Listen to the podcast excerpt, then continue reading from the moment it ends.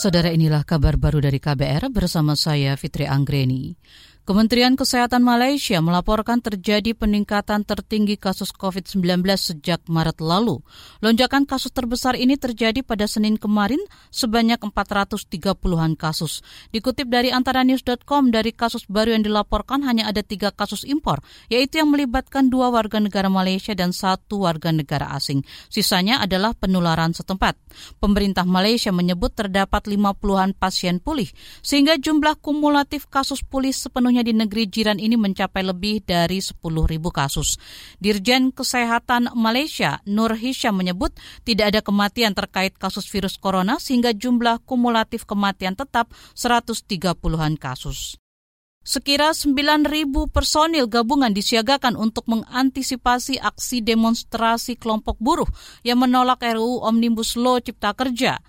Personel gabungan itu terdiri dari aparat kepolisian, TNI, serta Satpol PP.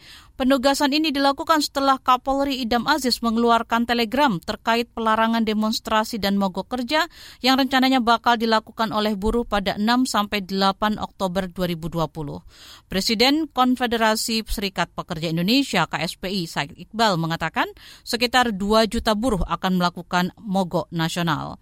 Kemarin DPR mengesahkan RUU Cipta Kerja menjadi undang-undang dalam rapat paripurna. Rapat itu maju tiga hari dari jadwal semula pada Kamis. Selain itu jadwal reses anggota Dewan juga mulai hari ini. Sebanyak 46 ribu pelajar tingkat SMK dan SMA di Kabupaten Banyuwangi, Jawa Timur mendapatkan bantuan kartu perdana dari salah satu operator seluler melalui Dinas Pendidikan Provinsi Jawa Timur. Kepala Cabang Dinas Pendidikan Jawa Timur di Banyuwangi, Istuhan Dono, Istuhandono mengatakan pembagian itu dilakukan secara bertahap. Selain itu, Dinas Pendidikan setempat juga memberi telepon pintar untuk pelajar yang belum memilikinya.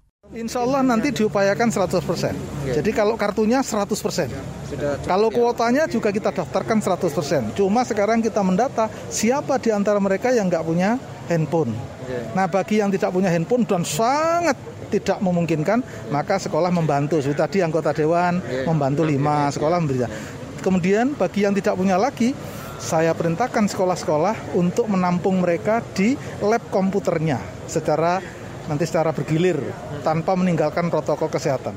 Kepala Cabang Dinas Pendidikan Provinsi Jawa Timur di Banyuwangi, Istu Handono mengatakan kartu perdana yang diberikan kepada para siswa itu berisi kuota internet 10 GB.